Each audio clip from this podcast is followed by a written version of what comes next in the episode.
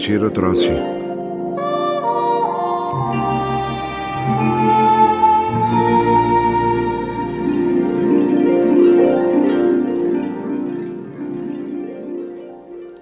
Nekoč je bil en kavter. To ni bil navaden kavter. Ta kavter je bil nekaj posebnega. Zakaj imamo kavtre?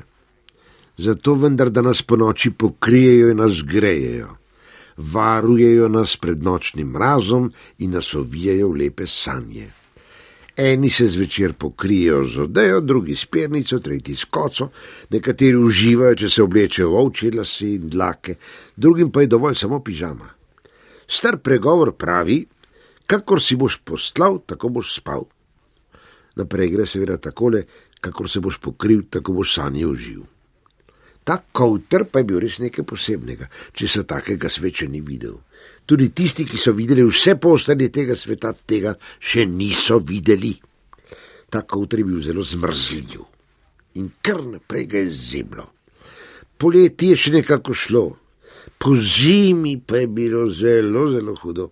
Ko je bila zima in je pihal hladen veter, je bil kavter mrzel kot ledena kocka. Bil je mrzel kot sladoled na dnu zmrzovalnika mrzel kot oguljena kura sredi ledenega viharja, mrzel kot mrc. Kaj naj ti že rečem? Celo noč se je tresel kot puding na rolki in vsako jutro se je zbudil prehlajen. Vsi so se spraševali, kako je to mogoče, in nihče ni vedel, zakaj je tako. No, in ker je bil takšen, ga nihče ni maral. Čisto sam je ležal v posteli, zato ga je še bolj zeblo. Zeblo ga je skozi in počes mraz je prilezel do zadnje njegove nitke. Ubogi kotr se je hotel na vsak način ogreti. Najprej je poskusil s termoforjem, vendar ni pomagalo. Je trnil in potegnil na se odejo. Še kar naprej ga je zemlo. Je trnil kotr in na se potegnil še koc. Pa ni bilo nič bolje pokril se je še s pernico, popil je vročaj in zlezel spalno vrečo, ni pomagalo. Ob sebi prižgal električno blazino, pa ni začutil niti malo toplote.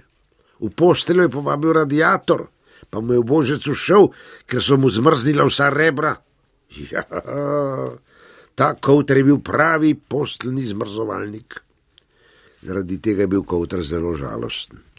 Nihče se ni maral pokriti z njim, ne babica, ne dedek, ne mama, ne očka, ne muca, ne domači pes. Vsi so se bali, da se bodo spremenili v snežne kipe. Snežne može, snežne babice, snežne muce, snežne pse. Nihče se ni hotel stisniti k njemu in tako je bogi kotr ostal popolnoma sam in zapuščen. Pozabljen je ležal na posteli in nikogar ni bilo, ki bi ga hotel vsaj malo ogreti.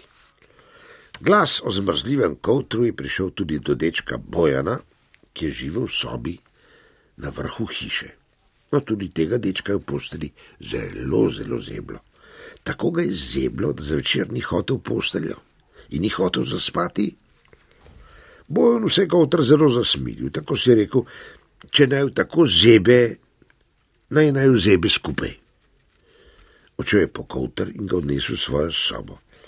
Zvečer sta skupaj zlezla na posteljo in, in takrat se je zgodil čudež. Komaj sta se stisnila drug drugemu, ni več zeblo, ne dečka, ne kautra. Še več, nenadoma je obema postalo prijetno toplo. Bojen in kautr sta zaspala, še preden si lahko preštel do pet. Od takrat naprej Bojan nikoli ne pusti, da njegovega novega prijatelja zvečer v posteli zebe. In Kowter nikoli ne pusti, da Bojan sam zaspi v posteli. Takoj, ko pride luna na nebo, Bojan z velikim veseljem zleze pod Kowter.